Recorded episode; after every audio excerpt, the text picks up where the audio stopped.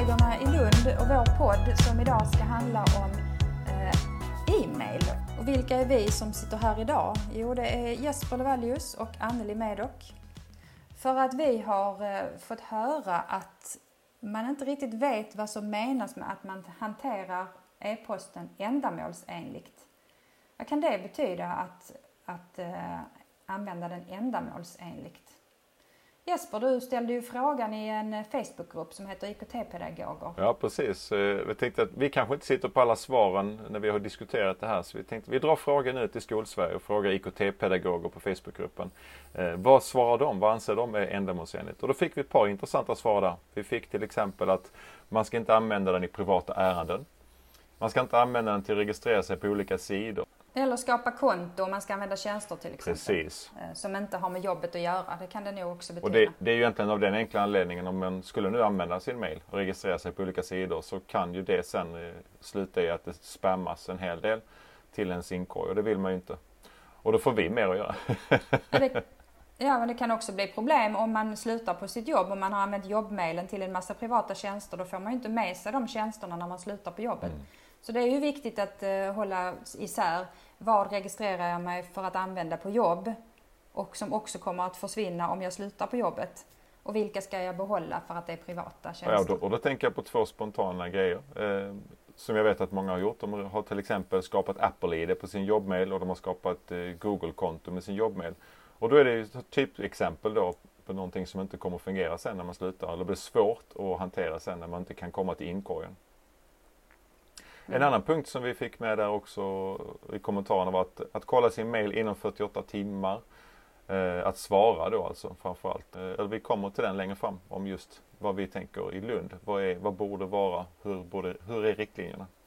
Att inte återanvända gamla konversationer och starta helt nya. Så då tänker jag så här mailtrådar där man svarar eh, och så plockar man fram en gammal mailtråd och så börjar man skriva om en helt annan sak. Och det, det, då förstör det ju liksom den här tråden som bildas eh, i en diskussion. Diskuterar man ett visst ämne, då håller man det till den. Annars så skapar ett nytt mail om man vill diskutera någonting annat. Eh. Ja, och det är ju för ordning och struktur. Det stör ju mitt struktursinne detta här känner jag. Och, eh, om om eh, det är helt annat ärende än vad det handlar mm. om, då stämmer det inte. Det blir svårt att söka upp gamla mail också när man gör på detta viset. Ordning och reda, vi fick en annan kommentar som det stod att, att kolla, den, kolla efter lunch och innan man går hem. Det är ju ganska ofta att kolla sin media. Jag tror att eh, det är väl lite, det, det, är upp till var och en där liksom, var och en skola att, att ha den här rutinen. Men att kolla den efter lunch och innan man går hem, det är, ju, det är frekvent. Och det, det, Ja men det här tipset handlar nog om att försöka få in en rutin om när man gör det så att man inte glömmer det. När kan det passa i mitt schema att jag tittar? Mm. Mm, så det är ett bra tips. Och det var också en kommentar där att inte försöka ersätta ett verktyg för projektstyrning med ändlösa trådar som ska vidarebefordras till nya deltagare. Eh, det kanske inte är rätt sätt att använda mejlen på. Att om, om, du och jag skriver om någonting och sen bjuder vi in ytterligare en och de bjuder ut in ytterligare en i den här tråden. Det blir väldigt svårt att följa, eh, följa det och då är det inte ett sätt att driva projekt på. Då kan man till exempel använda, om man har G Suite i Skolsverige så kan man använda G Suite för att ha ett projekt igång istället och så bjuder man in dem som man vill ska vara med att skriva i samma dokument. Och det kan man även i Office 365 göra.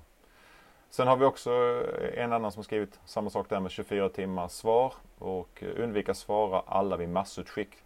Så att om jag skulle skicka ut då till eh, till exempel mina skolledare att inte alla svarar tillbaka om det bara egentligen är jag som behöver få den informationen.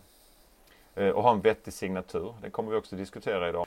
Eh, och det kommer vi också till. Vi har i Lund mm. Eh, en signatur som vi ska ha. Och det hoppas jag att man, mm. att man efterlever. Men vi har ju försökt att ordna upp dem i vilken ordning vi tyckte, tycker att detta är viktigt.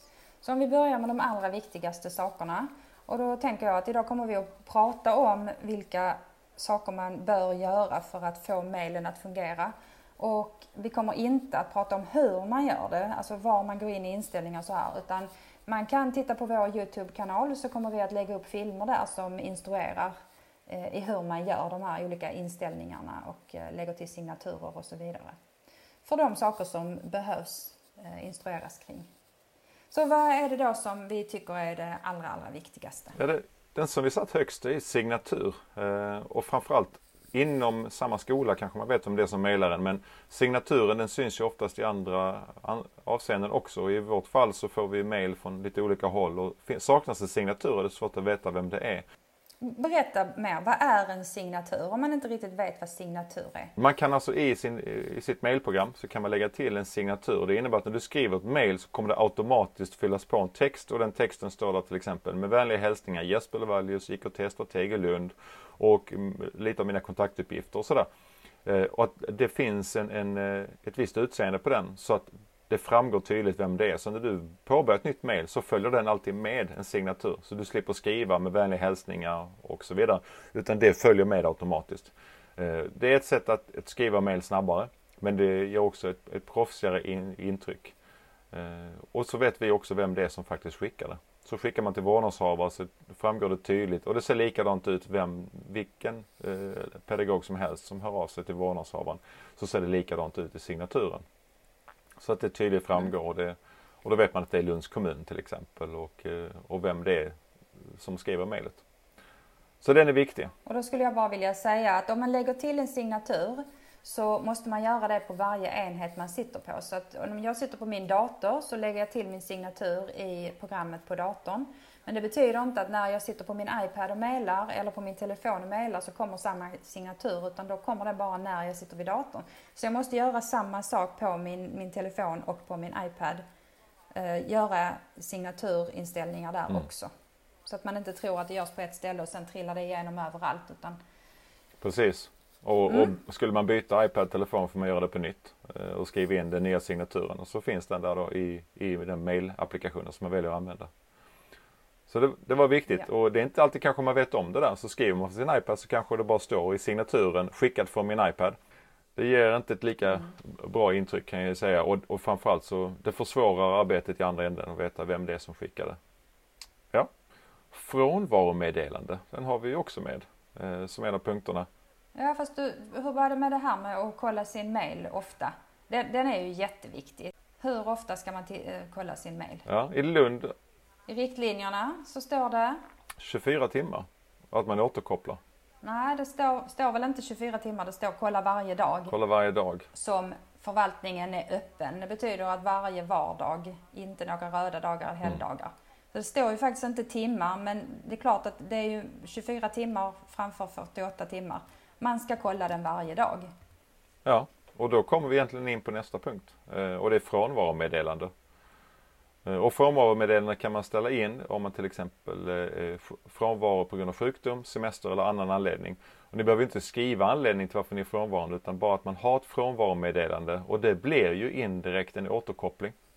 Så jag, jag då som är ledig måndagar, att jag har ett frånvaromeddelande som skickas tillbaka till den som försöker nå mig på måndag. Att jag, jobb, jag jobbar inte måndagar men kommer återkomma så fort jag kan. Då har man ju faktiskt svarat eh, inom loppet av ett dygn så att säga, eller 24 timmar. Ja, man vet ju själv frustrationen om man mejlar till någon. Man tänker nu mejlade jag på morgonen, då borde denna svara senare under dagen. Och när den personen inte gör det därför att den är ledig måndagar då till exempel, så får man inte svaret från på tisdagen. Man kanske till och med inte får det förrän senare på tisdagen eftersom det är många mejl som har hunnit trilla in i den personens mailbox på måndagen.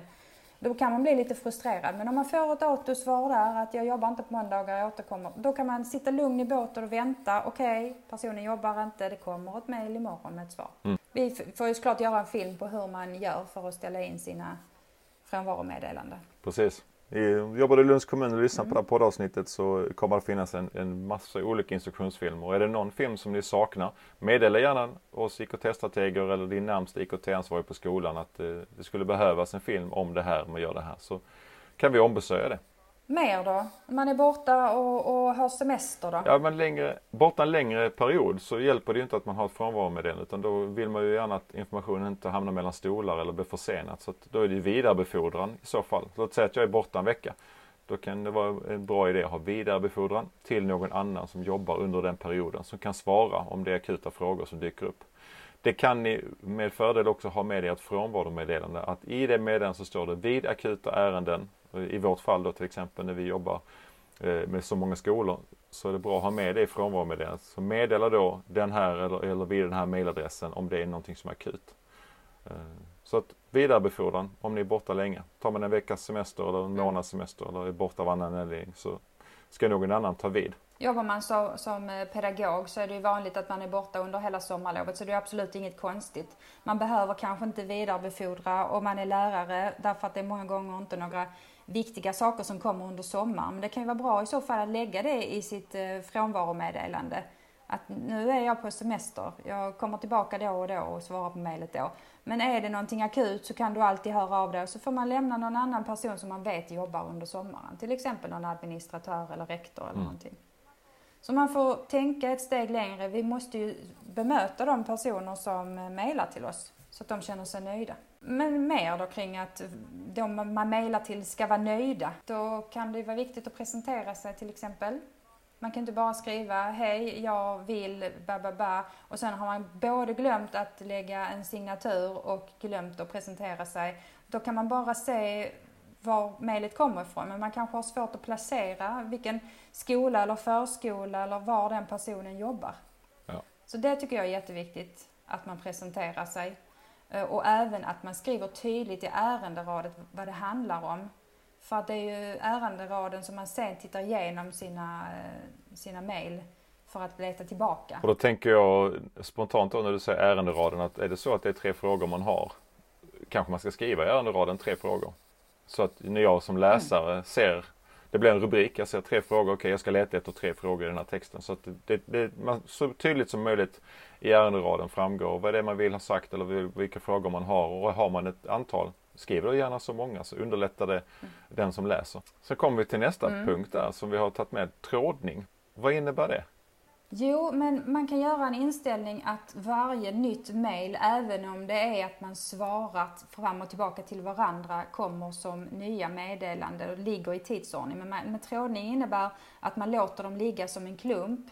Så att om jag har skickat ut en, en eh, ett mail till kanske fem personer och sen så svarar de här fem personerna, då hamnar de i samma klump så att man ser alla dem tillsammans. Eh, och det är ju en smaksak hur man vill ha det. Det vanligaste är att man vill ha dem samlade på något sätt så att man kan se allt som handlar om samma ärende. Men man kan också välja att få det helt och hållet i tidsordning, alla mm. mejlen. Oavsett om de hänger ihop. Men man ska känna till det med trådningen att eh, om jag till exempel har skickat mitt mejl för en månad sedan och sen har det kommit eh, massa mejl fram och tillbaka och det senaste mejlet kom idag, då ligger den överst men mitt mejl och alla andra svar ligger i samma trådning så jag ska inte titta tillbaka till mitt gamla datum utan det ligger idag så det flyttar sig i min eh, inkorg. Mm. Det kan ju vara lite förvirrande om man inte vet om detta. Och då kan det ju ha varit en diskussion som har förts då i den tråden. Eh, med det senaste som skrevs var ju det, hamnar ju överst då. Så då, då kanske man, om man är, inte är van så går man in i den första konversationen och börjar svara någonting som man har redan kommit fram till senare i den diskussionen. Så det kan vara bra att kolla det senaste det. svaret och se, okej okay, har det nu besvarats eller är det någonting som är oklart? Eh, men det, det krävs ju en viss vana att förstå det där med trådning och strukturen där med att inte gå på det första meddelandet utan titta, vad har nu de här personerna skrivit i den här tråden? Svara en och svara alla, ja det nämnde vi ju tidigare. Och när man får ett mail, om jag skickar ut till tio skolledare och det, det är någonting som bara jag behöver ta del av ett svar så ska man inte trycka på knappen svara alla utan då svarar man istället bara på en person. Man svarar tillbaka till den som skickade. Mm. Man svarar mm. alla om det angår alla. Att, att försöka lära sig det att, att är det här någonting som alla ska ta del av? Är det viktigt? Som i den punkten vi pratade om precis, trådning. Behöver alla ta del av det, blir en diskussion, då går det jättebra. Svara alla. Så det utesluts ingen. Men svara en istället när det inte angår alla. Då blir det mindre e-postmeddelanden som inte egentligen angår en. Eh, när, det, när, man får ta del av 50 mail på en dag så kanske det egentligen, egentligen mm. inte handlar om så många. För en del av dem är inte riktade till mig. Ja, att tänka efter när man trycker. Ska jag svara bara denna person eller svara alla? Det är jätteviktigt varje gång när man ligger med i en mailgrupp. Att tänka. Mm. Svara genom att skriva till avsändarens mail. Vad betyder det? Jag vet faktiskt inte. Jag vet inte om det betyder att man påbörjar ett nytt mail eh, genom att svara istället för att svara tillbaka på mejlet. Nej, nu, nu vet jag vad jag menade när jag skrev det. Så, nu vet jag. Jo, att om en person har mejlat till mig en massa frågor så vill man kanske inte, när jag svarar tillbaka, vill jag inte upprepa alla frågor utan jag kan passa på att bara skriva till ett svar efter. Och då kan man ju skriva, om det till exempel står hur många iPads har du på din skola? Hur många av dessa är elev-iPads och hur många är eh, lärar-iPads? Till exempel kan vara en sån fråga. Och då kan man ju svara i frågorna direkt efter dem. Kanske byta färg och skriva direkt att det där är 50 eh, paddor totalt och, och 24 av dem är eh, elev-iPads eller hur man nu vill mm. svara. Så att man, man, det är ett sätt att jobba. Eh, och då kan man bara skriva allra högst upp, se nedan och så återanvänder man det första ursprungliga mejlet. Det är ju ett sätt att effektivisera och också tydliggöra att svaren finns i dina mm. frågor precis där, där de passar in. Men det kan vara bra att, att byta färg då på sitt svar så att det blir jättetydligt för den som får svaren. Mm. Har ni mm. svårt att hitta hur man byter färg kan ni använda fetstilt eller kursivt men bara så att det framgår tydligt att, att här är någonting som inte passade in ursprungligen utan här är ett svar. Det här är någonting för mig som gillar det här med, med personuppgifter. Att om du ska, om du får ett mail och du vill blanda in en ny person i detta mailet hur ställer du dig till detta? Du vill vidarebefordra det. Då eh, kan det vara bra att titta på vad är det för uppgifter som den du vidarebefordrar till får tillgång till. Så att den inte får de här känsliga sakerna som inte den behöver ha för att kunna ta ställning. Så att när du vidarebefordrar, titta på hur mycket av det ursprungliga du ska ta bort. Och det är också viktigt tycker jag att den personen som har skickat det ursprungliga mejlet vet om att du vidarebefordrar, att du har bett om tillåtelse att vidarebefordra. För att det är egentligen en kommunikation bara mellan er två och det är schysst att fråga. Kan jag vidarebefordra detta? Lite mer ordning och reda som jag gillar. Detta här är kanske mer för, eh, för eh, de som har väldigt mycket mail till exempel eller de som har eh, behov av att ha ordning eller som kanske jobbar i, som jag gör, jag jobbar mycket i webbläsaren och där är ingen bra sökfunktion i Outlook. Och då behöver man strukturera eh, och då tänker jag att man ordnar det i mappar. Göra en struktur där för om man har mycket mail. Eh, något som jag också använder det är att jag flaggar meddelanden. Jag flaggar det som kan vara viktigt så jag hittar dem så kan man välja olika färger på flaggarna. I Outlook-appen så kan man dessutom välja att man ska eh, följa upp och så kan man följa upp inom en timme, inom sex timmar tror jag det inom en dag eh, och så vidare. Så man kan få notis om att det här ska följas upp, är det här avklarat. Den funktionen gillar jag i, i just Outlook-appen på, på min dator.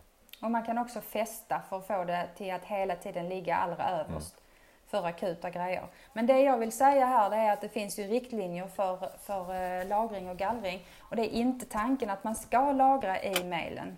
Det kan mycket väl hända, det har jag hört i många fall, fast det var på äldre för länge sedan, att mejlen helt plötsligt försvann. Så det är ingen saker, säker plats för gallring.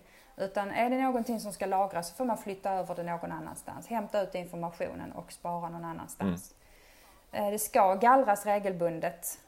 Däremot ska man inte tänka att allting ska raderas för det kan finnas eh, korrespondens som man måste spara, som ska arkiveras. Och det måste man gå in och läsa i riktlinjer för vad som ska eh, sparas. Mm. Ja, det kan ju vara en del av dokumentationen till exempel eller att någon kräver att man hämtar ut information. Och då ska man kunna gå tillbaka och göra det också. Och sen den sista punkten vi har där, vilken info får hanteras via mail? Personuppgifter, Gmail, Outlook. Vi har ju olika typer. I Lund har vi ju faktiskt två olika mailsystem som vi har tillgång till. Men vi ska använda Outlook-mailen. Men det finns ju även en annan e-post som man, som man kan använda men man ska veta vilken använder man till vad. Och det ser ju lite olika ut hur avtalen ser ut och lagringen och det är därför mejlen får lov att användas på olika sätt när det kommer till det här med personuppgifter. Så om vi har Google-mailen till exempel så ska där ju inte hanteras några personuppgifter. Vilket gör att man kan vidarebefordra Google-mailen till Outlook och hantera personuppgifter där. Men man kan inte vidarebefordra Outlook-mailen till, till Google-mailen för att det finns risk att det i så fall kommer in personuppgifter. Och det är Outlook som är vår primära mail, mail-app som vi ska använda. Men inte ens där kan vi använda personuppgifter hur som helst utan de här känsliga, sekretessbelagda, eh, integritetskänsliga uppgifterna de ska inte vara i Outlook utan det kan vara eh, normala namn till exempel. Du ska inte uppge till exempel sjukdomar i mail, är inte Mm. Ja, och där, där nämnde du någonting där just om vidarebefordran. Vi var ju snuddade på det innan att man skulle vidarebefordra om man var borta. Men där är ju också en viktig funktion där som du sa, det är att man kan vidarebefordra sin eh, Gmail eh, i då G Suite-mailen eh, som vi har i, i, i Lund. Och i Lund heter den ju skola.lund.se. Att den mailen kan man göra inställningar på så att den vidarebefordras. Då behöver man inte ens kolla den mailen utan då går alla de mailen till din Outlook. Men du kommer svara från din Outlook om du är i Outlook och skriver tillbaka. Det är ett bra sätt att se till så att man inte behöver kolla mail på två ställen och att inte man missar någonting. För det kan ju vara att man delar dokument via G Suite och då får man ta del av det också, att ett dokument eller ett dokument har kommenterats eller så. Eh, då syns ju det också i Outlooken. Och då behöver man inte kolla det på två ställen. Så om vi summerar detta, vad vill vi nu att eh, alla ska gå och göra? Vi vill att de ska ha lite ordning och struktur, sköta sig och presentera sig, vara artiga och trevliga och välja om de ska svara en, svara alla. Och se till så att det är en signatur eller en, eh, även frånvaromeddelande. Lite snabbt så är det de sakerna som vi tycker att man ska se till att sköta. Men eh, om vi från, går ifrån allt det allvarliga så finns det ju en jätterolig Youtube-film som vi rekommenderar alla att titta på. Där man får en liten tankeställare kring mailen och vad vi gör med mailen egentligen. Ja, och den, eh, den ska den? vi försöka länka in om ni lyssnar på den här podden. Annars så ska ni söka efter Trip and Tyler på Youtube. Trip and Tyler och då handlar det om email in real life. Så eh, titta på den och se vad ni tycker. Så kommer ni ha jättekul kring mailen. Okej, vi eh, finns till hands om ni behöver hjälp med de här saker vi har pratat om idag och ni kan också titta på vår Youtube-kanal där vi kommer att lägga upp filmer som visar hur man gör flera av de här inställningarna. Tack för Tack idag! för Hej!